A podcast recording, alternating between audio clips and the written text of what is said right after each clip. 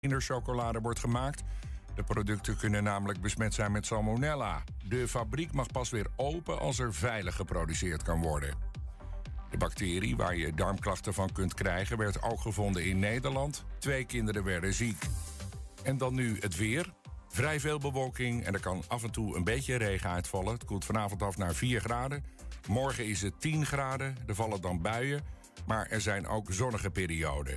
En tot zover het ANP-nieuws. Frits. hey, ik kan morgen niet. Nee, hoezo niet? Ik hoor net dat er een goede vriend van me overleden is. Oh, jeetje, gecondoleerd. Dank je. Maar geen directe familie dus? Eh, nee, een jeugdvriend. Oh, fijn. Gelukkig maar. Hé, hey, maar no worries, hè. Ik bel Bas wel even, die kan toch altijd. De dood. Praat erover. Niet eroverheen. Ga naar sieren.nl.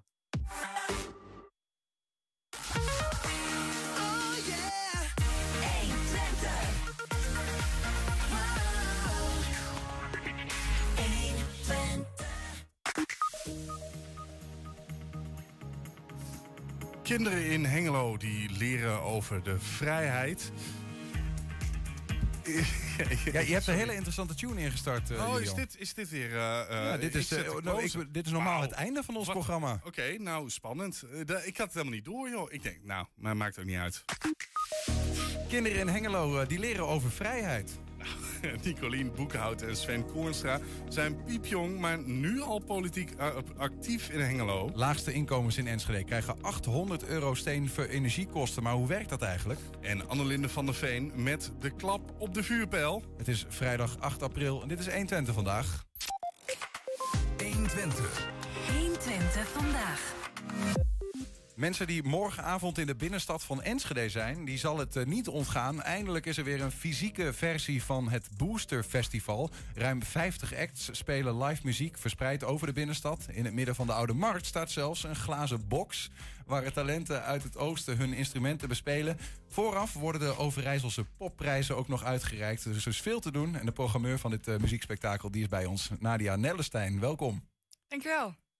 Ben je er klaar voor? Ja, zeker. Ja? Ja. Nou, het is weer uh, fysiek uh, na twee jaar uh, online. Zoals het hoort, denk ik, of niet? Ja, klopt. Ja, nee, ik zat vorig jaar nog niet bij de organisatie. Maar hoe ze het vorig jaar hebben aangepakt was ook supergoed natuurlijk. Met al die live sessies die je online kon zien. Ja. Maar het is wel heel fijn dat het live weer kan. Dat had, daar gingen we in het begin van het jaar, in november starten we. Daar gingen we toen nog niet van uit. en toen, nou, een paar maanden terug kwamen we erachter dat het kon. Dus toen was het echt heel chill. Ja. Waar, waarom ben je bij de organisatie van het Booster Festival gegaan? Uh, nou, dat is eigenlijk. Ik had gewoon een minor gekozen in music management en dan zat deze stage dan bij. Mm -hmm. um, en ik wilde dat al heel lang. Ik wist al heel lang dat ik dit wilde doen, omdat ik het gewoon heel leuk vind om dingen te ondernemen. Uh, en ik vond programmering altijd al heel interessant. En toen kreeg ik uh, dus de rol van hoofdprogrammering. En... Ken je het, het Booster Festival? Ja, zeker. Ja, want het is een begrip. Hoe bedoel je? Nee, is het een begrip in, in het land van muzikanten? Want je bent zelf muzikant, studeert Ja. het consortium. Ja. Uh, is, dat, is dat dan een hele logische uh, dat, je, dat je het Booster Festival kent? Jazeker. Ik denk wel dat iedereen in Overijssel en Gelderland moet gewoon Booster kennen. Uh, omdat gewoon letterlijk alle professionals uit Nederland, een stuk of 40, komen overdag met het dagprogramma naar het Artes Conservatorium. En Mhm. daar kunnen de Booster acts kunnen daar demo-spreekuren met ze inplannen. Ook zijn er panels, masterclasses, er is zelfs een writing camp. Dus dan kan je overdag met heel veel professionals uit Nederland in contact komen. En de bedoeling is dan dat die professionals dan in de avond komen kijken naar de acts. Um, en zo kom je in contact, in contact met professionals. En dan kan je eindelijk die deal sluiten als je dat wil. Of als je op zoek bent naar een publisher, manager, noem maar op.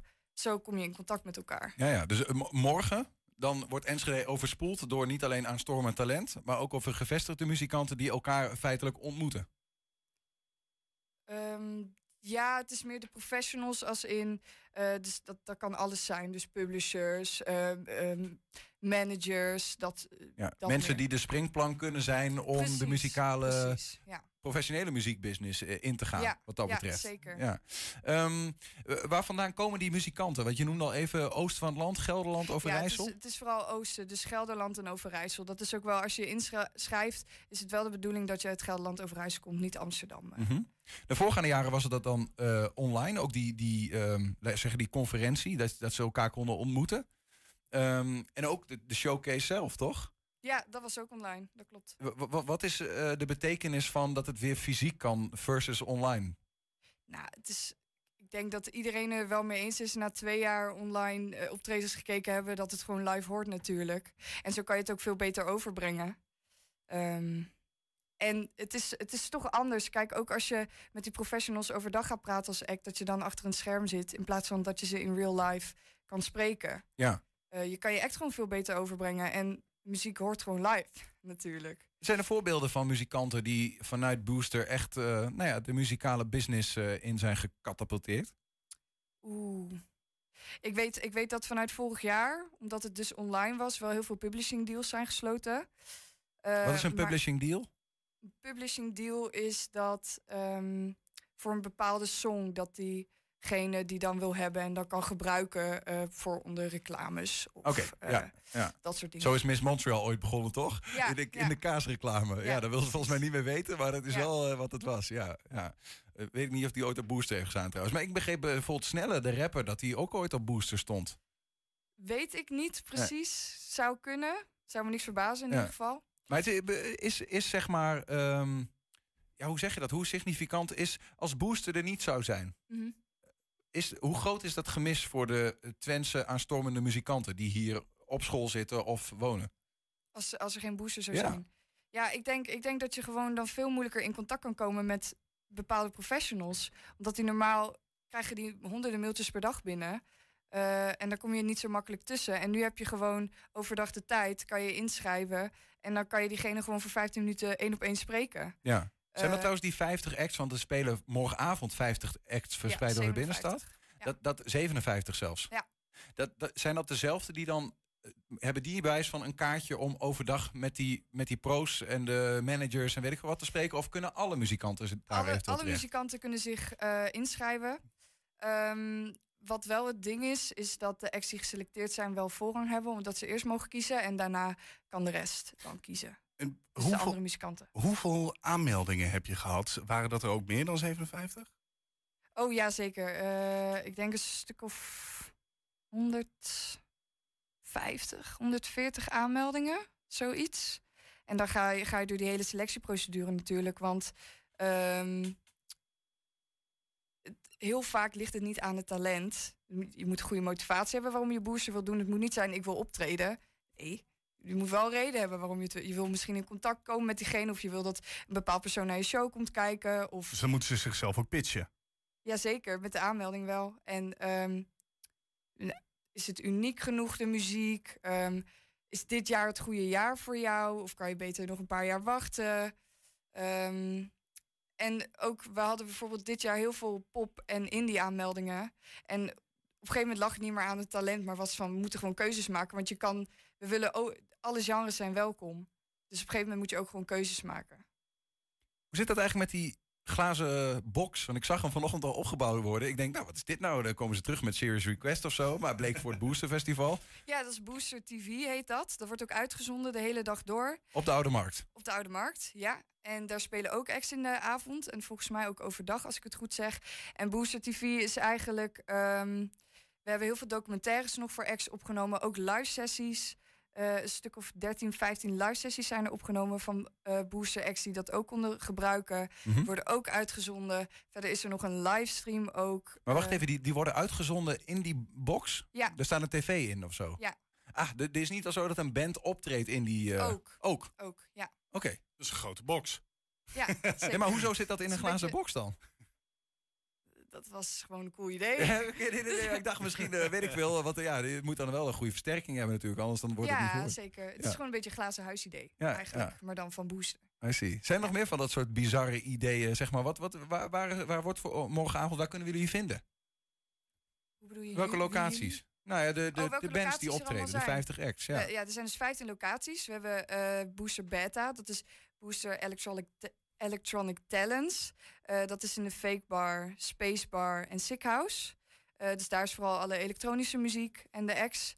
Verder eh Metropool, de kleine zaal en de grote zaal. Spelen echt hele goede acts. In de Grote Kerk, ehm Jansen en Jansen. Concordia Expo en Concordia Theater. Eh, oh, wat, ja, Nou, je hebt al heel wat een genoemd. stuk of 15. En Ik weet niet allemaal uit mijn hoofd. Ja. Eh Vestzak Theater. En wat kost dat dan? Wat kost dat dan? Gratis? Volgens mij. Ik Oh. niet of ik dat goed zeg. Ja, ja nee, volgens mij, volgens mij klopt dat wel hoor. Ik De- weet niet of het klopt. Ja, dit- volgens mij klopt dat. Maar anders vanaf nu? Nee. Ja, Ja. nee, ik weet Ja. nog niet of ik dat goed heb gezegd. Oh, ik Gaan we- kunnen we dat even opzoeken eventueel? Volgens mij Dan komen we erop terug. Als een soort van 2 voor Oh. 12 hier. Maakt niet uit. Dat is een ik reden weet. mensen om het te blijven hangen. Dan weet je het straks. Ehm, hey, even over het podium hè, voor, voor, voor muzikanten. Hoe is het eigenlijk gesteld hier in de regio, zeg maar? Heb je, want die zou, hè, de- hoe groot is het verlies als Boost Festival niet zou zijn? Dat is wel heel handig dat het er is. Mm. Ehm, is, het, is het een beetje makkelijk om aan het aan boven te komen drijven als muzikant? Hoe werkt dat eigenlijk? Hoe bedoel je? Nou ja, bijvoorbeeld, eh, sommige muzikanten die worden op een, op een zeker moment komen ze op de radio of weet ik veel wat. En dan zien we ze in talkshows op televisie. En dan zijn ze in één keer, breken ze door. Ja. Bij, voor sommigen lukt dat nooit. Eh, hoe werkt dat eigenlijk? Zet je dan op je cv Booster Festival en dan denken mensen, nou, dit zou wel een goede zijn, die nodigen we uit. Hoe, hoe makkelijk is het eigenlijk om boven te komen drijven? Dat is helemaal niet makkelijk. Ik denk dat het eh, als muzikant zijnde... ehm, dat je gewoon heel goed doorzettingsvermogen moet hebben. En ten eerste gewoon heel veel spelen, ervaring opdoen. Je eigen sound creëren. eh, social media goed op orde hebben. Je branding goed op orde hebben. Mhm. Ehm, en dan gaan mailen. Zorg ervoor dat je ehm, op festivals staat. Zoals bijvoorbeeld Booster, maar ook andere festivals. Eh, als je wat verder bent, kan je popronde gaan doen. En dan ga je verder kijken naar bijvoorbeeld ESNS. Eh, ga veel programmeurs mailen. Eh, dat je bijvoorbeeld voorprogramma's kan doen van X. Je moet veel gezien worden. Je moet veel gezien en toevallig worden. door de goede personen gezien Ja. worden. En, en geluk hebben, denk ik ook. Ja. En een goed verhaal hebben. Ja. Want als je niks te vertellen hebt, dan, eh, ja, dan stopt het snel. Heb het even, heb het even gecheckt. Volgens de website uit in Enschede. Helemaal gratis. Ja, ja, ik had toch gelijk. Ja, heel Hey. goed, heel goed, heel Oké. goed. Nog, nog één dingetje, die, die popreis eh Overijssel, Mhm. die wordt morgen ook uitgereikt. Ja, Wat de, is dat precies? De popprijs, eh, daar kan je op stemmen. De nog genomineerden van dit jaar zijn Nonchalance, Babs en Minka. Eh, en dat is in de grote zaal van Metropool wordt die uitgereikt. En als ik het goed begrijp, is de popprijs volgens mij gewoon de aanstormende act die het meest bereikt heeft. Ja, wat krijgt hij? Weet je dat? Wat, wat, wat, wat, wat, win je dan? Is dat een soort van naamtitel? Ik of... denk, het is gewoon een titel. Ja, ja, precies. Volgens mij, ik weet niet precies, ik heb me daar niet heel erg goed in verdiept. Nee. Eh, volgens mij is het gewoon, ja, het staat eh, gewoon Het, staat, een goede het staat goed op je, op je lijstje als je het hebt. Ja. En, en, je, en je komt in een illustre rijtje staan met bijvoorbeeld een snelle die hem al eens eerder heeft gewonnen, Ja, volgens mij ja. vorig jaar. En ook Django McCroy, en die heeft Ja. het zelfs tot het Songfestival geschopt. Ja, precies. Nee, de popprijs is wel heel, ja, dat is wel echt een, eh, hoe heet dat? Een, een, Een groot een- ding. ja, precies. Een goede titel. Ja. Eh, laatste vraag. Eh, maar misschien is dat wel een beetje een gewetensvraag. En de- die hoef je niet te beantwoorden. Want je bent natuurlijk. Je komt voor, voor al je muzikanten op die in het Booster Festival gaan spelen. Maar heb je een aanrader qua act? Oeh, maar dit, ja, ik weet niet. Ik vind heel veel leuk. Ik heb niet één aanrader. Die ga ik ook niet opnoemen. Dat dacht ik al. Ga gewoon Dat kijken. ik, dus eh, nee. morgenavond dan eh, laten die aanstormende talenten zich zien in de binnenstad van Enschede. Verspreid over de stad. Zelfs in een glazen eh, kooi op de Oude Markt. Gaat dat zien. En eh, Nadia Nellestein, dankjewel. Veel plezier morgen. Ja, jij bedankt. Ja, we zijn ook als podcast te beluisteren via alle bekende platforms. Je vindt daar de hele uitzendingen en elke dag één item uitgelicht. 120. 120 vandaag. Zo'n 200 kinderen uit groep 7 van de Hengeloze basisschool waren gistermiddag aanwezig in het stadhuis voor de eerste editie van het Baas boven Baas Festival. Tijdens de workshop gingen ze in gesprek over de thema's vrijheid en herdenken. Geboren Engelsman Henry Porter, die Hengelo in 1945 hielp bevrijden, was ook aanwezig. Maar ook iemand die Oekraïense vluchtelingen in haar huis opvangt. Daarmee zijn oorlog en vrijheid allerminst thema's van lang geleden, maar ook van nu.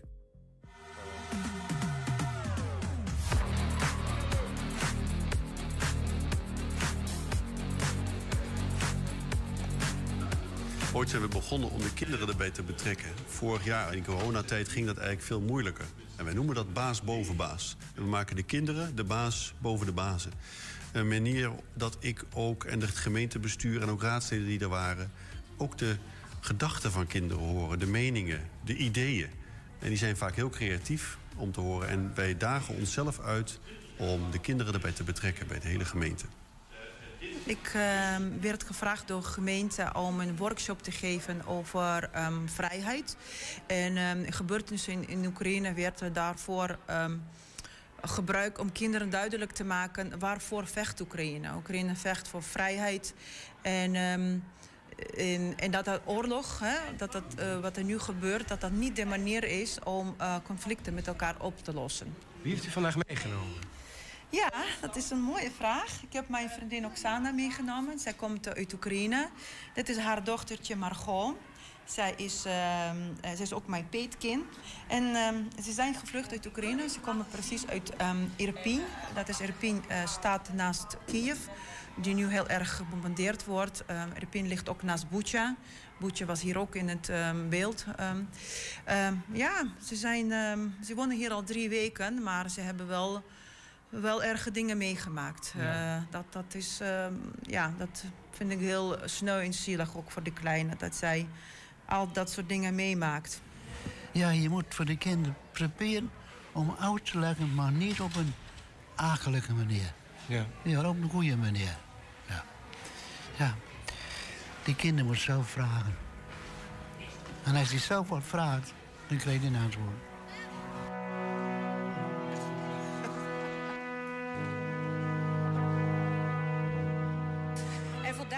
Het stadhuis in Hengelo uh, met kinderen gewerkt aan het thema vrijheid. Hè. Het gaat vandaag over vrijheid hier. En wat ik heb gedaan via stellingen zijn we gaan onderzoeken wat betekent vrijheid voor kinderen. Uh, hoe zien ze vrijheid en voelen ze zich vrij genoeg om zich te bewegen uh, zoals ze zelf zijn. Ja. En het was wel heel erg leuk om te horen hoe verschillend kinderen daar mee bezig zijn.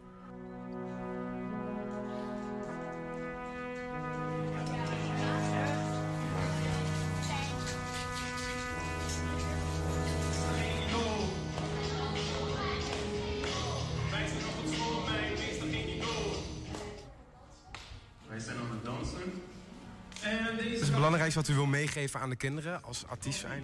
Um, vrijheid. Precies waar het thema om draaide. Zeg maar, dat ze gewoon vrij zijn in wat ze doen. En dat ze daardoor... Um, je creatief kan, creativiteit kan daardoor groter worden. Zeg maar. Dus door gewoon te doen wat jij denkt. Ja. En um, ja, steed je vast, dan moet je gewoon om hulp vragen. Maar eigenlijk is het gewoon voornamelijk doe wat jij leuk vindt. Mm. Dan kom je toch vaak het verst. Ja, luister, echte vrijheid. Ik zeg alleen, hier in Holland is een land van vrijheid. Echt. Ja, we wilden ook graag een paar kinderen voor de camera, maar de organisatie liet dat vanwege de privacyrechten helaas niet toe. 120. 120 vandaag. Vorige week werd de Hengeloze gemeenteraad geïnstalleerd. 37 Hengeloers die zich voor de schermen gaan inzetten uh, voor de stad. Maar uh, die raadsleden die worden ondersteund door allerlei mensen. Uh, onder een fractie vertegenwoordigers. dat zijn mensen die optreden bijvoorbeeld ook in politieke markten en zo. en dan namens de partij spreken. Eigenlijk een soort leerschool misschien wel voor de uiteindelijke raad. bij mij aan tafel zitten twee leerlingen van die leerschool. In ieder geval twee fractievertegenwoordigers, jonge mensen. Nicolien Boekhout, uh, werk, werkzaam bij de PVDA, moet ik het zo zeggen. Ja, soort van. Uh, en, uh, en Sven Koornstra van D66, welkom. Ja, bedankt. Ja, allebei nog, nog, nog piepjong eigenlijk, rond de 20. wat mankeert jullie eigenlijk? Dat je de gemeentelijke politiek nu al... Nou, wat mankeert ons, wat mankeert anderen dat ze het nog niet doen? Want het gaat eigenlijk over ons allemaal, de gemeenteraad. En ik denk dat een gemeenteraad is pas echt een goede gemeenteraad als alle lagen in de samenleving worden vertegenwoordigd. Dus ook jongeren, maar ook ouderen, mm uh, man, vrouw. Uh, dat iedereen daar vertegenwoordigd wordt. En ja, ik vind het dus ook belangrijk dat de jongeren daarin vertegenwoordigd worden. En jij, uh, Sven? Ja, ik sluit me daar natuurlijk bij aan. als de gemeenteraad, als daar geen jongeren in zitten... dan kun je ook nooit de blik van jongeren hebben op uh, de politiek. Ja, nou, ik, ga komen zo nog wel even op terug over jongeren en politiek... en hoe dat eigenlijk zit, dat, dat ze soms wat achterblijven... of dat logisch is of niet. Um, maar even, jullie zijn fractievertegenwoordiger.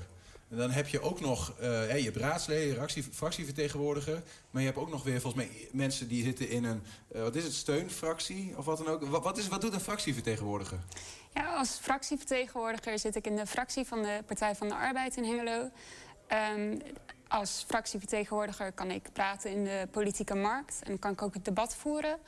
Eh, en daarnaast heb ik binnen de fractie ook mijn eigen stem en mijn eigen portefeuille. Dus dan kan ik ook op die manier nog wel enigszins invloed uitoefenen op hoe wij onze visie zien. Ja, Eh, binnen de partij is ook weer een soort van democratie waarbij Ja. je een stem hebt. Uiteraard. I see. Eh, en ja, dan op een gegeven moment eh, is de politieke markt geweest en dan gaat het naar de gemeenteraad. En dan wordt er gestemd over iets en dan hebben wij als fractievertegenwoordiger geen stem. Eh, maar de rest van de raadsleden hebben dan wel een stem. En ja, die. En die stemmen dan soms over dingen die dus de, jij of een andere fractiemedewerker soort van hebben voorbereid. Van ja, dit, daar konden ze Ja. zich niet altijd over inlezen. Ja, we hebben eh, portefeuilles verdeeld. Dus eh, ik heb bijvoorbeeld eh, sport en cultuur en recreatie. En dan lees ik me daarop in. En mijn schaduwfractievolger, die doet dat ook. Dus dat is een raadslid en die heeft dezelfde portefeuille. En die kan dus ook namens de Partij van de Arbeid praten in de raadsvergadering. Eh, maar dat overleggen we uiteindelijk samen. En dan zal ik waarschijnlijk meestal het woord voeren bij de politieke markt als het over een van mijn portefeuilles gaat. En dan uiteindelijk eh, stemmen zij. Ik zie een beetje het beeld voor me van een soort van handpop. En dan die, dat raadslid is dan een handpop. En jullie zijn stiekem de hand die daarin zitten. Eh. Jullie hebben het voorbereidende werk gedaan. En eigenlijk stemmen jullie gewoon. Nou, Of is dit een te fout beeld, eh, Sven? Eh, nou, de andere raadsleden hebben ook hun eigen portefeuilles. Wij pakken niet alle portefeuilles op ons, gelukkig. Dat wordt een beetje druk. Nee, nee. Nee, je doet het eh, samen als fractie. En dat, eh, er zijn natuurlijk vrij veel portefeuilles. En eh, dan is het fijn dat bijvoorbeeld D66 heeft drie zetels... dat je met z'n vijven de portefeuilles kan verdelen. Wat, wat is het verschil tussen een, fractievertegenwoordiger en een fractiemedewerker? Ehm, een fractievertegenwoordiger die kan op ehm, politieke markten eh, meespreken. Dat is eigenlijk een soort raadslid light. Die heeft geen, eh, enkel geen stemrecht, eh, bijvoorbeeld. Er zijn nog wel meer verschillen natuurlijk. Een fractiemedewerker die ehm, faciliteert de fractie dat ze hun werkzaamheden kunnen doen. Dus bijvoorbeeld als er een zaal gehuurd moet worden... of als er een eh, vergadering wordt voorbereid van de fractie zelf. Ja. Hoe ko- komen jullie eigenlijk terecht? Want eh, jij nog relatief jong. Hoe oud ben je, Sven? Ik ben 22. 22, en jij? Ik ook. Nou, dan, maar je bent nu dan een fractievertegenwoordiger. Eh, eh, Hoe kom je zo? Heb je al wat politieke ervaring opgebouwd in het verleden? Ehm, nou, ik, ik heb meegedraaid met de campagne. En eh, daar eindigt het eigenlijk. Oh ja, echt? Wauw, oké. Dus je bent nog best wel ook jong qua ervaring dan? Ja, klopt.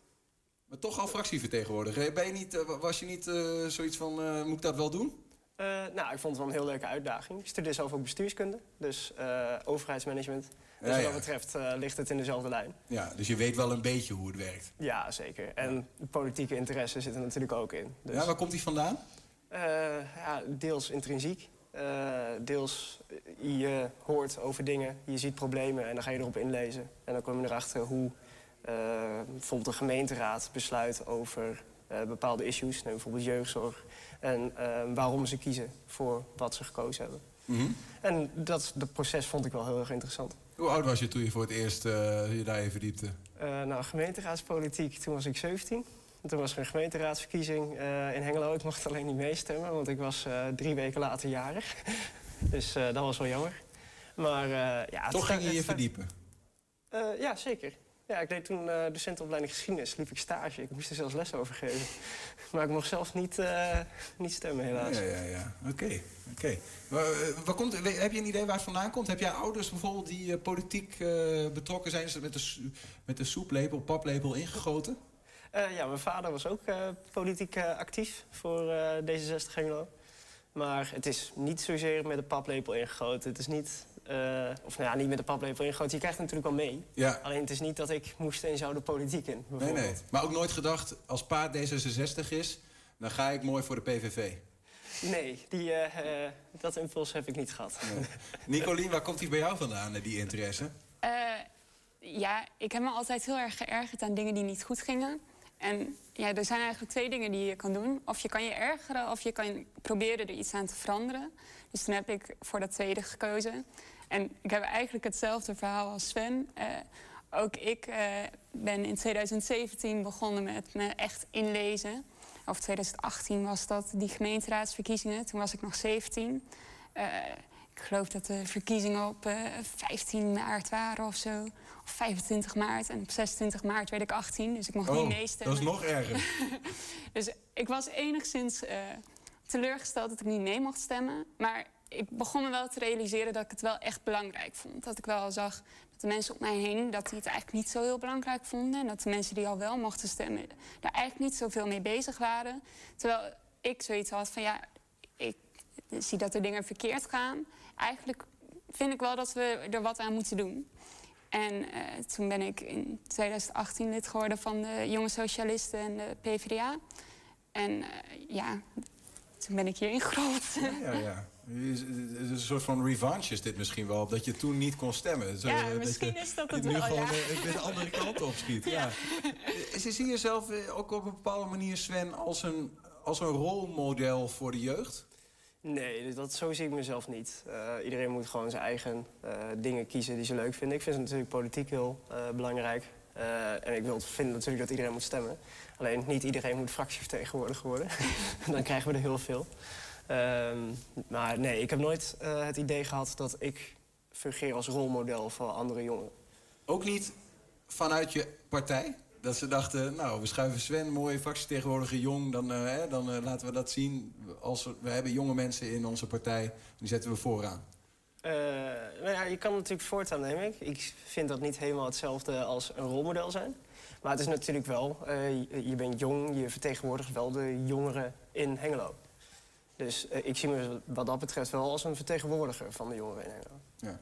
ja nou ja, Nicolien noemde het net al even. Hè. Belangrijk dat die raad en ook de mensen die daarachter staan een brede vertegenwoordiging zijn van Hengelo. Dus niet alleen oudere, maar ook jongere mensen. Um, ontbreekt het daaraan? Over het algemeen, aan die jongere mensen?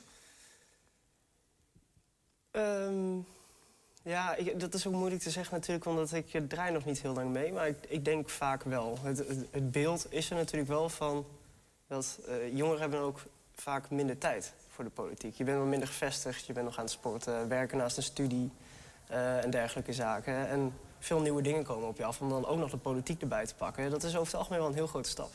Is dat alleen voor jongeren, zit ik te denken? Want ik denk dat heel veel volwassenen ook denken van... jongens, ik kom om uh, zes uur thuis van werken, moet nog het eten... kinderen naar bed en dan ga ik mooi Netflix kijken. Uh, toch, of niet? Dat hebben alle mensen misschien wel.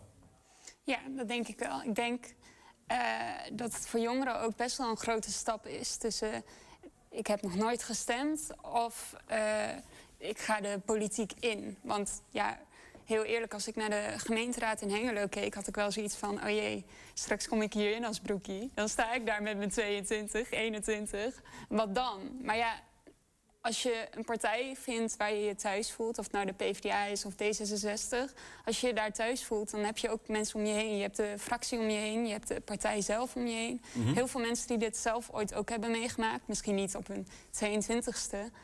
Uh, maar die weten wel wat je dan moet doen.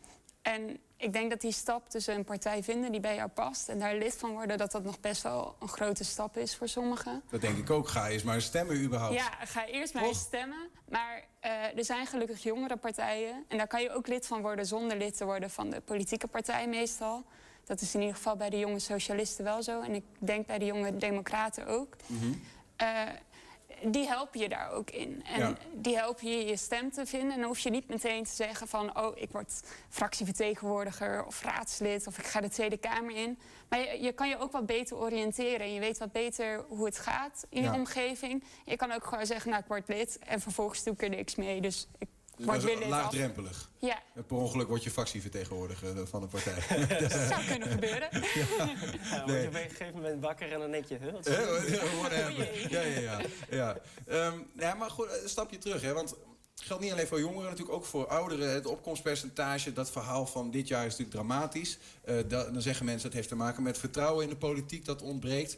Um, hoe zit dat eigenlijk onder jongeren? Ontbreekt het vertrouwen in de politiek of ontbreekt überhaupt de hele um, blik op de politiek?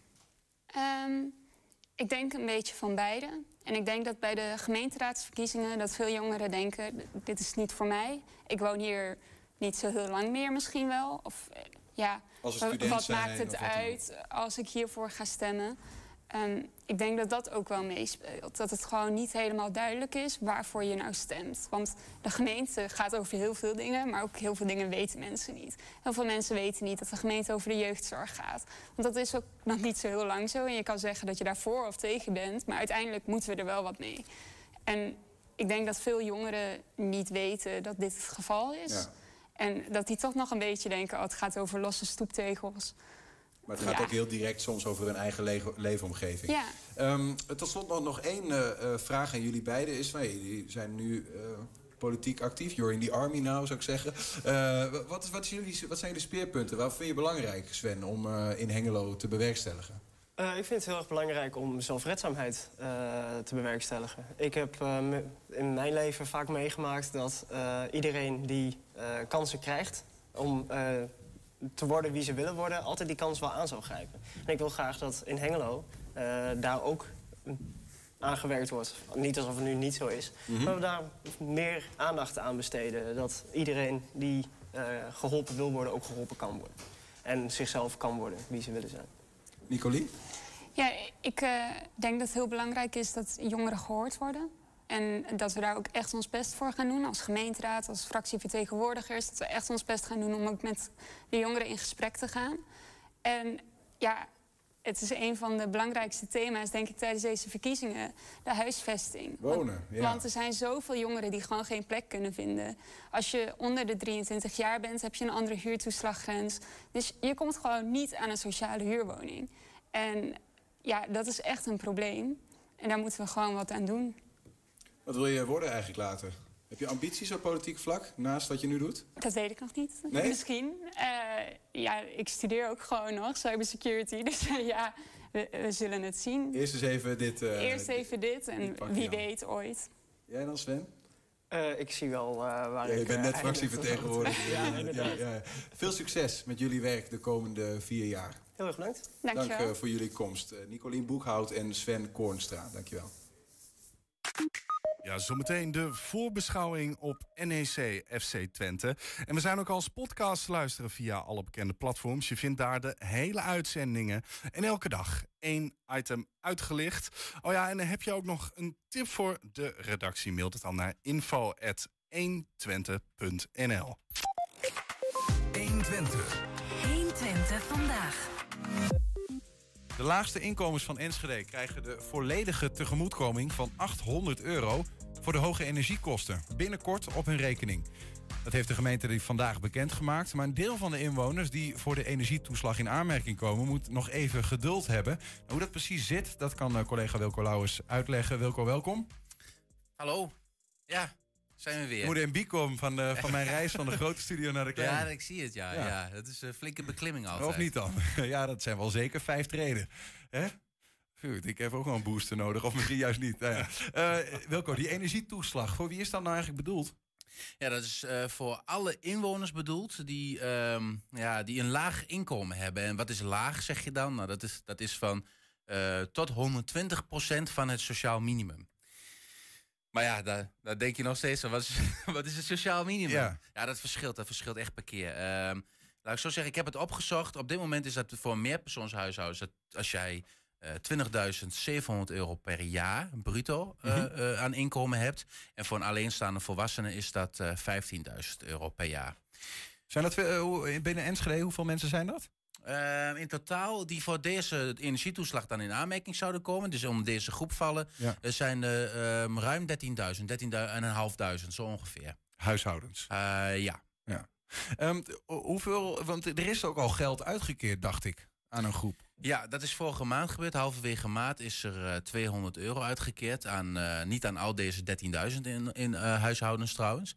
maar aan de mensen die bij de gemeente bekend zijn. Dat zijn de bij, laat ik het heel makkelijk houden, de bijstandsgerechten. Mensen die een uitkering ontvangen van de gemeente. Ja, ja, daar komt nu een groep bij. Ehm, ja, er komt een groep bij en er komt een bedrag bij. Want er was vorige maand alleen nog maar 200 euro. En de minister die heeft beloofd. Er zou 800 euro worden uitgekeerd aan mensen. Ter tegemoetkoming van die hoge energiekosten.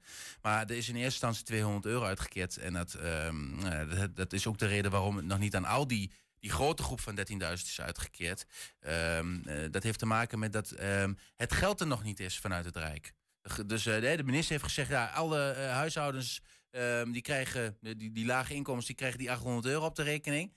Ehm, maar het geld wat daarbij hoort, dat heeft de gemeente niet gekregen. Die kregen alleen maar voor die 200 of überhaupt? Nee, eh, nee die, die kregen, eh, ook dat is weer, ja, dat zijn allemaal ingewikkelde verhalen. Ja, ja, ja, maar. Die kregen eh, acht- 8,5 miljoen euro te besteden. Enschede in dit geval. Het Ja. zijn allemaal rekensommetjes waarom het dan 8,5 miljoen is.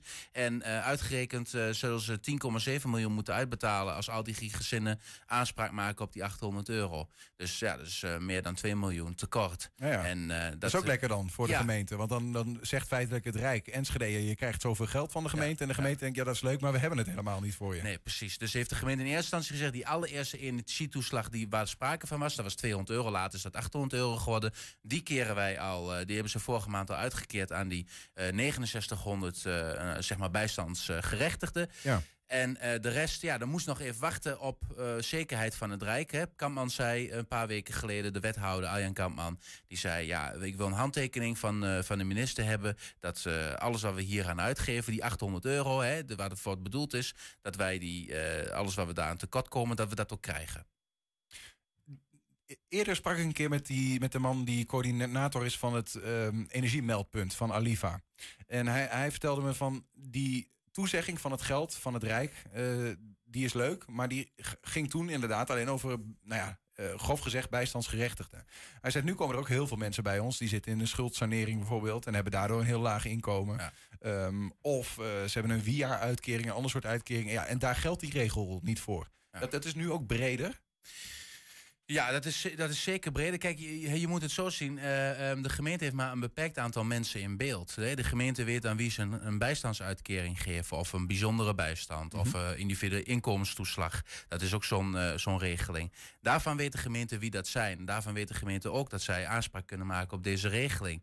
Maar de gemeente heeft geen lijstje met alle mensen... die eh, al die 13.500 eh huishoudens... die aanspraak op deze regeling zou kunnen maken. Dat hebben ze niet. Ze weten niet van, van jou en mij eh, hoeveel we verdienen. Er zijn wel cijfers van hoeveel mensen het zijn... maar niet met namen erbij en adressen. Ehm, dus, dus dat is lastig. Dus een deel van de mensen zal straks zelf die 800 euro moeten gaan aanvragen, omdat ze niet in beeld zijn bij de gemeente.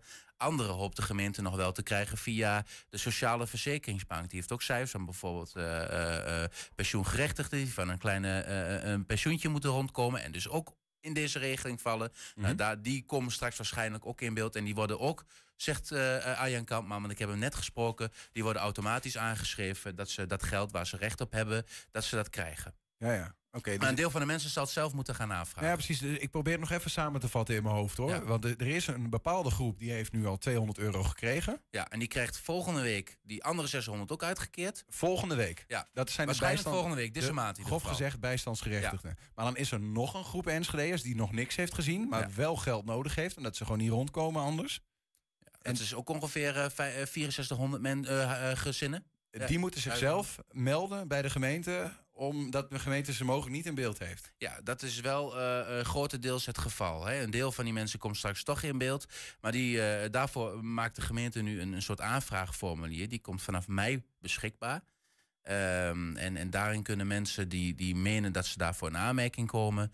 kunnen zich aanmelden en dan wordt gekeken... zullen ze moeten aangeven hoeveel ze dan verdienen.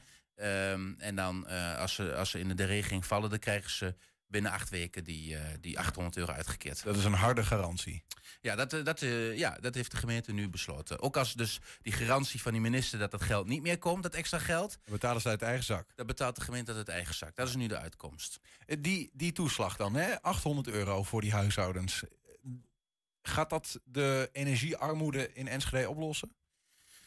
Nee, ik denk dat het een, een pleister op een, op een grote wond is, hè, om het zo te zeggen. Ehm, we hebben ook vandaag een artikel op de website staan... waarin we ook met hulpverleners praten. En die maken zich hier ook wel zorgen over. Die zeggen, die, die compensatie is niet genoeg. Bijvoorbeeld de, de man van Alifa, het over Django Lutje... die zegt daarin ook, ja, eh, die compensatie, dat is leuk, dat is goed... Ehm, maar die gaat niet alles oplossen. Mensen wonen gewoon in slecht geïsoleerde woningen. Dus die, die, die, eh, als de gasprijs nog verder gaat stijgen, of het gasverbruik, laat ik het zo zeggen, dat zal onverminderd, eh, onverminderd hoog blijven. Daarnaast, als jij 800 euro direct gaat uitkeren, want dat is het geval, dan krijg je in één keer 800 euro op je rekening gestort dat is heel aantrekkelijk om dat geld misschien Om daar iets anders mee te doen. een nieuwe televisie Ja. of weet ik veel. Terwijl het geld echt bedoeld is om over het hele jaar die eh, energiekosten te gaan Is betalen. dat in dat opzicht niet een beetje vreemd dat er dan dat geld op deze manier wordt uitgekeerd? Want er is, eh, alle Nederlanders krijgen ook een tegemoetkoming eh, in de energielasten, Mhm. maar dat is via de energierekening gegaan. Hè? Dus de belasting op energie lager, waardoor we een wat minder hoog energiebedrag betalen. Ja, dat, dat, dat, eh, nou, dat zegt zelfs wethouder Arjan Kampman, eh vertelde me dat net. Die, die vindt het sowieso ook raar dat de gemeente, die krijgt het op het bordje. Hè, niet, niet eens met het bedrag wat daarbij hoort. Eh, die moet het dan maar oplossen. Terwijl eigenlijk had dit de Belastingdienst moeten doen. Maar ja, die wil daar nu niet aan. En je kunt ook zeggen, waarom heeft het Rijk gewoon niet de, de belasting op de energiekosten verlaagd? Hè? Want dan betaalt iedereen minder en dan is iedereen geholpen, toch? Ja, Ja, dat maar is- ja, goed, dan, dan snap ik wel dat je een bepaalde groep misschien eh, hè, ook helpt die het niet nodig heeft en een bepaalde groep die het wel nodig heeft minder helpt. Nou, dat is maar de vraag. Wie heeft het nodig? Kijk, eh, als jij heel weinig eh, energie verbruikt, dan heb je ook minder kosten. Kijk, als iedereen evenredig minder belasting over, de, over die energiekosten betaalt, betaalt iedereen evenredig minder aan, aan die energiekosten. Als, je, als je dat eraf haalt. Ja, percentueel, zeg maar. Bovendien, en, en dat, dat zei Kamman ook. Ehm, hij maakt zich wel zorgen over de mensen die niet voor deze regeling in aanmerking komen. Dus de mensen die op 125% of 130%. Die net buiten de boot vallen. Precies, en, Ja. en, en wel die opeenstapeling van kosten hebben. En hij, hij zegt het zo van, ik, ik vrees dat er een stille ramp in de stad aan het eh, voltrekken is. We houden het in de gaten. In ieder geval voor de mensen die tot 120% eh, van het sociaal minimum eh, als inkomen hebben, die kunnen geld verwachten. En als ze dat niet kunnen verwachten, moeten ze zich melden bij de gemeente, bij deze. Ja. Wilco, dankjewel. Straks aan alles komt een einde. Zo ook aan de, de muzikale columns van Annelinde van der Veen. Maar het is nog niet voorbij, want zometeen is ze bij ons met de klap op de vuurpijl. 120. 120 vandaag. De Eredivisie raast richting het einde van het seizoen. Met nog zes speelrondes te gaan worden de contouren van de verschillende ontknopingen weliswaar langzaam zichtbaar. Maar ligt zowel bovenin als onderin alles nog open. Ja, ook het gevecht om de Europese tickets is nog in volle gang. FC Twente is met AZ en Feyenoord verwikkeld in de strijd om plekken 3 en 4... wat allebei goed is voor een toegangsbewijs naar Europa zonder play-offs. De Tukkers hervatten die jacht morgen in Nijmegen bij NEC. Al moest de ploeg van trainer Ron Jans deze week misschien eerst nog even bijkomen... van het spektakelstuk vorige week tegen PSV. Terecht applaus voor Twente, dat een half uur lang PSV van het veld heeft gespeeld. 3-0. De eerste twee dagen daarna, dan heb je het nog over. Je praat met mensen, je kijkt nog beelden. En, eh, en, en ja, wat, wat toch wel overheerste bij ons allemaal... is dat, dat... We hadden wel door dat het een geweldige wedstrijd was... maar de volgende dag als je wakker wordt... dan heb je toch het gevoel... eh, we hebben twee punten laten liggen. Ehm, dus, eh, maar ja... ehm, het, het, het spektakel en... en ehm, en we zijn in de race. We hebben ons kunnen meten met PSV. Dus eh, ja, dan, dan kun je ook in de kwartfinale van de Conference League eh, kun je spelen. De race, je noemt hem al even. Het is eh, spannend. De, de drie ploegen, die, die derde, vierde plek, staan dicht bij elkaar. Hoe groot is, speelt dat al op de achtergrond bij jullie? Of is het eigenlijk al wel echt op de voorgrond nu? Ja, ik probeer zoveel mogelijk de hele groep te beïnvloeden. Dat, eh, ehm, er zijn nog zes wedstrijden te gaan. En het heeft geen zin om naar de zesde wedstrijd uit bij Feyenoord te kijken. Het gaat om, eh, om NEC. En ehm, daar moet je zien, we staan gelijk met AZ, maar ze hebben een beter doel- doelsaldo. We moeten ze inhalen. En ik denk dat wij maar heel weinig eh, mogen laten liggen. Eh, al- als je daar echt om, om mee wil doen. En dat betekent dat je bij NEC moet winnen. Dat kan. Maar we hebben thuis tegen NEC gezien. Ik vind NEC trouwens ook eh, een, een, ja, een leuk voetballende ploeg. En als jij zegt van eh, ik probeer dat zoveel mogelijk te beïnvloeden, bedoel je daar dan mee dat jij probeert die jongens gewoon van wedstrijd tot wedstrijd te laten Ja, kijken? maar je, je leeft eh, vandaag en de wedstrijd is morgen. En, eh, en de rest is op dit moment niet aan de orde. NEC, ja, die eerste wedstrijd, je haalde hem al even aan. Ik weet ook nog dat we toen terug aan het blikken waren op de eerste seizoen zelf. Dat je ook zei, ja, dat zijn van die wedstrijden, eerste helft niet tevreden en tweede helft, ja, was het eigenlijk helemaal niet zo slecht.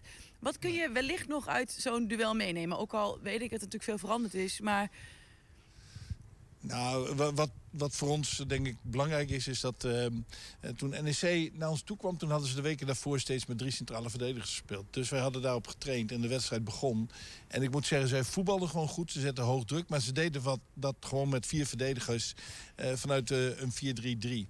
En in, in die fase hadden wij nog, eh, nog wat minder vaak tegen ploegen eh, gespeeld die met drie centrale verdedigers hadden gespeeld. Maar ondertussen is dat heel anders. En ik denk dat wij, en dan mogen we morgen bewijzen, dat we nu tactisch veel eh, eh, makkelijker kunnen reageren op eh, of ze nou zo of zo spelen. Want het kan in de wedstrijd ook nog veranderen.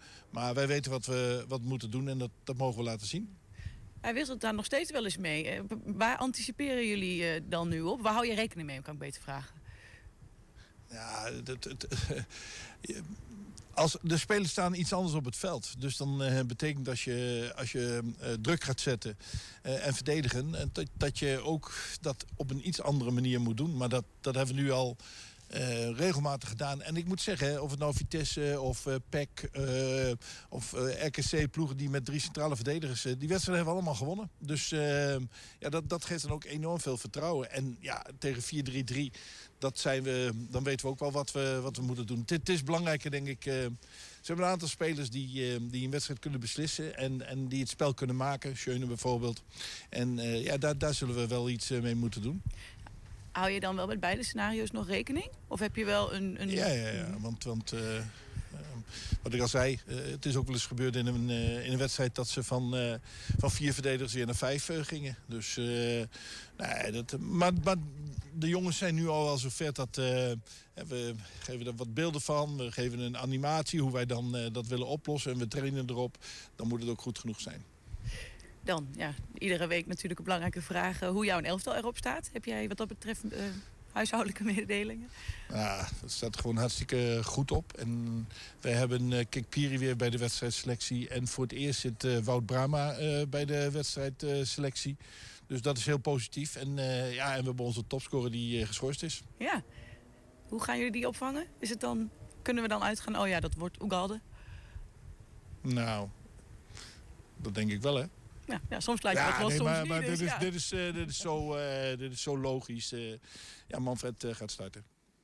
De wedstrijd in Nijmegen start morgenavond om 9 uur. 120. 120 vandaag.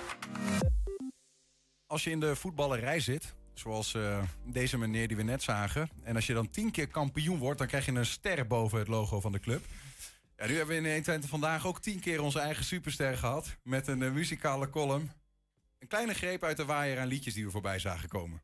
Aan die oude markt in Enschede, waar de lichtjes avonds heel gedwee. De glazen dansen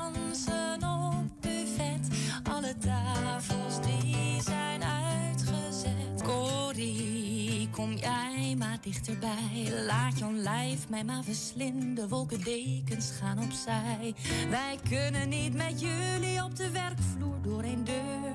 Want vrouwen hebben over het algemeen een mega slecht humeur. Ik weet niet hoe, hoe dat het komt. Ik weet niet waar naartoe, ik weet ook niet waarom. En ik wil weg, weg ver van hier. Kom on en pak je spullen en vertrek dan ver van hier. Ja, stuk voor stuk eh, zo goed. Maar ja, helaas ook aan al het goede eh, komt een einde. Aan alles komt een eind, ja. Maar nu nog even niet. Nee, nee, nee, nou komt ie. Welkom Annelinde, leuk dat je er nog, eh, nog bent voor de, voor, de, voor de tiende keer. En we gaan gewoon doen alsof het nog niet bijna het einde is. Ehm, nee, we moeten het wel doen. Heb je intens verdriet dat het de laatste is? Ja, ik vind het ongelooflijk jammer, ja. ja. Nee, maar het is, eh, het, is, het is even mooi. Het is, eh, je moet op het hoogtepunt stoppen, denk ik dan. Ja, zonder al te veel te verklappen. eh, je hebt wel ehm, een klap op de vuurpijl gegeven, hè? Ja, ik heb er wel... nou ja, de, ik, ja, ik heb er wel wat speciaals van willen maken, ja. Ja. Deze keer, ja. Ontzettend benieuwd. Ik heb iets van de contouren gehoord. Als in, eh, het heeft te maken met ook onze andere columnist... die vandaag eh, niet hier lijfelijk kon zijn... maar blijkbaar intrede heeft gemaakt... en er is een soort van iets van een collab ontstaan. Ja, Maar, het is echt een liefdes, een Zo, zo zie je maar weer. Straks ga, ga je een soort, eh, eh, wat is het, columnistenkoor krijgen. Columnistencollab. Columnistendebat, hè. Ja. Even terug in de tijd. eh, tien keer eh, gedaan. Weet je nog waar je eerste column over ging? 21 januari dit jaar? Nee, eigenlijk niet. Nee? wat was dat ook alweer? Eh, We zaten nog midden in de corona-shit. oh, dat was natuurlijk. Oh ja, dat ging over die horeca natuurlijk, die weer dicht moest. Het ging toen over eh, dat, dat, de, ehm, de, eigenlijk dat je zo bouwde dat voor de cultuur, dat de cultuur nog helemaal dicht zat. Oh, heutje prutje. Die. Hutje prutje. Hutje, Met je mutje, kutje. kutje, mutje. Dat eh, was hem, voor het raam. ja, precies. Omdat je zegt van ja, de winkels zijn open, de mensen staan in de rij. Maar ja, de, weet je wel, eh, en de, de cultuur eh, die mag weer barsten, zeg maar. Dat gevoel. Ehm, nog meer verdrongen van, eh van, Dat van lijkt de al lang geleden Ja. eigenlijk, hè? Echt, hè? Ja, echt heel ver. Ja. Ja, nou ja, het laatste lied gaat ook eigenlijk over alle. over de titel. Volgens mij heb ik geen titel doorgegeven, maar een beetje nieuws wat niet boeit. Want er zijn nogal heftige dingen eigenlijk. Eh, ik heb wel een periode gehad dat je kan zeggen van. Nou, als columnist eh, eh, heb je behoorlijke piekmomenten van het nieuws gehad. Nou ja, bijvoorbeeld, de- ja, ik, ik noem maar eens wat. Storm Corrie. Of ja, hè, maar nog meer nog, één oorlog in, in een Europees land notabene. Ja, Ehm, precies, ja. wie had dat gedacht? Maar de- Ja. daar, daar ging het natuurlijk ook een keer over. Ja. De- heb je zelf een, ehm, een, een, een, een column waarvan je zegt, nou, dat was voor mij wel echt een, een pareltje, daar ben ik wel trots op. Of moet hij nog komen? Dat kan ook. Volgens mij moet hij nog komen. Nee, nou ja, goed. Het, eh, het lied wat natuurlijk over Oekraïne was, had, was wel heel erg beladen. Natuurlijk. En dat. ehm, Iets waarvan je toen zei, dit, had ik, dit wilde ik eh, eigenlijk altijd wel schrijven, maar nu was er een mooie aanleiding Nou, over, ja, precies. vanuit de vluchteling ja, gezien. Ja, dat was natuurlijk eigenlijk heel erg mooi dat ik dat toen, eh, dat ik dat nu heb af kunnen schrijven. Maar ehm, nou, het was vooral gewoon heerlijk om mijn frustraties een beetje hier wekelijks eh, kwijt te kunnen. Dus da- dank jullie wel voor dat. eh, En, en zelfs als beloning in eh, de, volgens mij Stad Schravenstraat ook nog terechtgekomen. Ja. Dat, Ja, dat ligt ook echt aan onze aan, de- aan nee, onze nee, uitzending. ik, eh, Ja, ik, eh, nee, dat eigenen we gewoon op. Dat, Ja, precies. Nee, maar dat is in dat hele proces natuurlijk ook allemaal gebeurd. ja, ja, nu sta ik verzilverd of eh, verankerd in de stad. Hey, maar je zegt al, je begon met een soort van hè, Annelinde bezinkt of vervloekte week. Hè. Wat, wat valt jou nou op? Misschien in het nieuws, eh, misschien daarbuiten. Wat, wat heeft je geraakt? En op een gegeven moment eh, ben je overgestapt van, nou, geef mij een uitdaging. Ja, dat vond ik eigenlijk niet zo leuk. Nee, nee.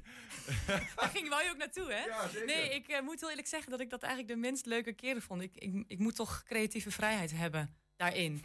En, ehm nou ja, in één keer moest je zingen over kansengelijkheid. ja. Nee, ik laat mij eh, bij deze nooit meer wat opleggen, denk ik. eh, wat liedjes betreft en eh, creatieve stromingen. Nee, het, het, het loopt gewoon. Het, het stroomt bij mij beter. En daarom is het nu ook goed dat het na tien keer eventjes... dat we even in ieder geval een pauze houden. Wie weet wat er in de toekomst gebeurt. Want ehm, ik wil eventjes niet meer met zo het nieuwsitems ja, bezig zijn. Ik snap het, maar ja. bovendien, je bent gewoon eh, een professioneel muzikant. Eh, en en de, de corona-dop is er weer een beetje af. Ja, het Ja. is misschien ook wel een ingewikkelde, want ik hoor dat op alle vlakken van het leven dingen wat roestig zijn. Hoorden we Marieke de Brugge van Enschede Promotie bijvoorbeeld ook zeggen. Ook binnen dat land is het allemaal Ja. wat... Maar eh, komt het weer een beetje los? Nou, toevallig. Ik heb morgen een optreden, eh, zondag een optreden in, eh, op de braderie in Boekelo. Ehm, maandag sta ik in de Grolsvesten bij een, ehm, eh, eh, een grote conferentie over vrouwenrechten.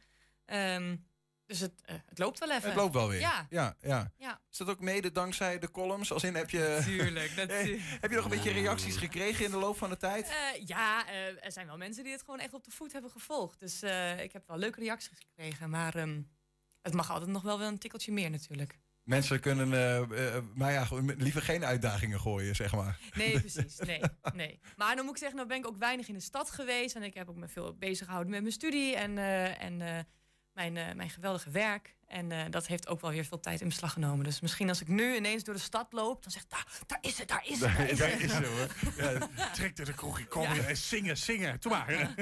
We gaan, we gaan naar de laatste voor nu. De tiende. Ehm, de kers op de taart. Ik heb hem ook nog niet gezien of gehoord. Dus ik ben heel benieuwd. En je hebt hem wel gemaakt, toch? Ja, ik- ja, Oké. ja, ja. Zometeen eh, Dion vluggen. Nee.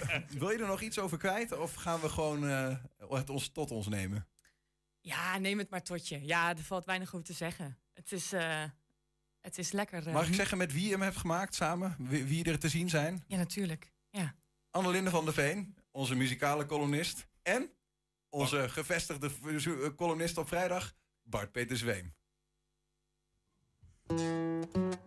Ik wil weten van dat veeltje dat van de stoelpoot is gegaan. Waarom het steeltje buigt in plaats van breekt bij de schil van een banaan. Mijn doucheputje zit vol haren, maar ik heb geen zin er wat aan te doen. Ik heb wel Parma ham gekocht, maar ik vergeet steeds de meloen. Ik wil weten wat de burgemeester s'avonds op Netflix kijkt. Wanneer dat meisje op haar hakken wankelend bezwijkt. Ik wil weten wie irritante step heeft uitgevonden. Wie bepaalt wat er s'avonds op het nieuws wordt uitgezonden. Ik wil weten wie zich interesseert of de kerkklok nog wel echt is. Ik wil weten of palmolie nou echt zo ontzettend slecht is. Oh ja, en dat het de normaalste zaak van de wereld is. Je hoeft dus niet zo te schrikken als mijn hond op straat zomaar aan zijn ballen loopt te likken. Ik wil weten hoe de dierenarts een wond hecht bij een muis. En ook hoe jouw cv tikt bij het opwarmen van je huis. Ik wil weten waarom geen kaasschaaf doet wat het moet doen. Waarom ik de vensterbank opruim voor de buurt. Gewoon uit goed fatsoen. En ik wil dat jij je niet zo aanstelt en gewoon blije liedjes schrijft. Nou. Je mag best aandacht vragen van je publiek, maar niet dat je de hele tijd zo overdrijft. Sorry. Ja, kleedje is normaal. En haal die bloemen eens een keer uit je haar. En misschien moet je ook eens werken in plaats van te spelen de hele tijd op je gitaar. Nou, laat jij je haar dan maar eens groeien. Maar kon dat maar. Nou, doe niet zo gemeen. Huh, je bent dan wel de lijsttrekker van eh, GroenLinks. Oh, ik ben Bart Peters Dat is Ween. fout geschreven. Hou jij, hou jij je nou maar bezig met belangrijke zaken, hè? In plaats van dat je tijdens die debatten je zo ongelooflijk druk loopt te maken. Zeg, waarom heb je mij überhaupt gevraagd om deze column samen te Ja, spelen? weet ik ook niet meer. Ik heb wel wat eens beters te doen dat jij me nou gewoon zo als zo'n singer-songwriter loopt te vervelen. Dan zing je toch gewoon lekker niet. Ik zing toch veel mooier. en trouwens, ik denk dat mijn muzikale columns toch veel beter beluisterd worden als jouw gesproken Sinterklaas gedichtjes. Ja? En trouwens, eh, ik heb überhaupt deze tekst geschreven. Dat is wel Oké? waar. Ja, dus je mag best wel een beetje blij zijn met een beetje radiotijd. Nou, dank je wel. We willen nieuws wat niet boeit, we willen fietswitten om kleine dingen. Gewoon een liedje fluiten of lekker vals mogen zingen. Hoe zou het Met, met de beren in de lockdown voor het raam. Die nu geen aandacht meer van ons krijgen zijn gegaan. Hoe gaat het met de gezondheid van het monster van Loch Ness? En dat er zomaar uit het niets wordt gedanst bij de NOS. Geen richtlijnen, maar elke maand een nieuwe toverspreuk. Onnozel, overbodig, kneuterig nieuws is ook best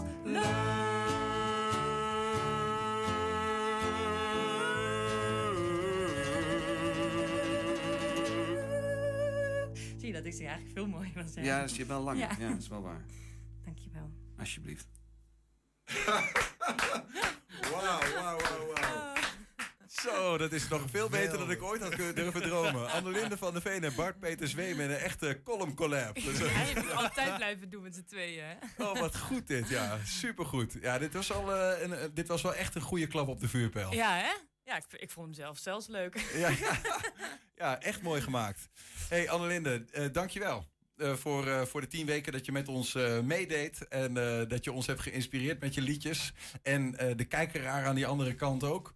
En eh, wij hopen van harte dat je eh, wellicht nog eens, hè, als weer een beetje opgeladen bent met andere dingen, misschien weer eens ziet om eh, nog eens mee te doen. Maar we willen je niet met lege handen laten gaan. Dus we hebben sowieso eh, iets voor je ik niet hoeven doen. weggelegd. Een bloemetje, daar hoort nog, en zie ik, ik zie al eens een verschrikte blik op Julians gezi- gezicht. We hebben hier op zijn bureau ligt nog een, eh, een mooi eh, dingetje. Ik dacht een, dat alles er was, maar- Een cadeaubon, maar die, eh, die is blijkbaar niet daar eh, terechtgekomen. Maar dat maakt niet uit. Nou, heel erg lief, dankjewel. Graag gedaan. Dus eh, even een berichtje van Bart. Eh, de bloemen moeten niet in je haar. ja, precies, ja. nee, dankjewel jongens. Ik ga het nieuws in de gaten blijven houden. Ik ga alle leuke dingetjes eruit pikken. En dan eh, over een tijdje kan ik weer allemaal heftige, leuke, grappige dingetjes schrijven. Nou, goed. Annelinde van der Veen, nog één keer round of applause. Dankjewel. Ja, en tot zover 120 vandaag. Terugkijken, dat kan direct via 120.nl. En vanavond om 8 en 10 zijn we ook op televisie te zien. Oh ja, jij gaat zo meteen weer, hè? Ja. Wat ga je doen? Eh, muziek draaien. Veel plezier. Tot morgen. 120. Weet wat er speelt in Twente. Met nu het nieuws van 5 uur. Goedemiddag, ik ben Mark Bergt. Premier Rutte geeft Rusland de schuld van de raketaanval op een treinstation in Oekraïne. Hij zei tijdens een wekelijkse perspraatje dat hij het niet anders kan zien dan een oorlogsmisdaad en dat de daders moeten boeten. Op het station zijn al 50 doden geteld, vijf slachtoffers zijn kinderen.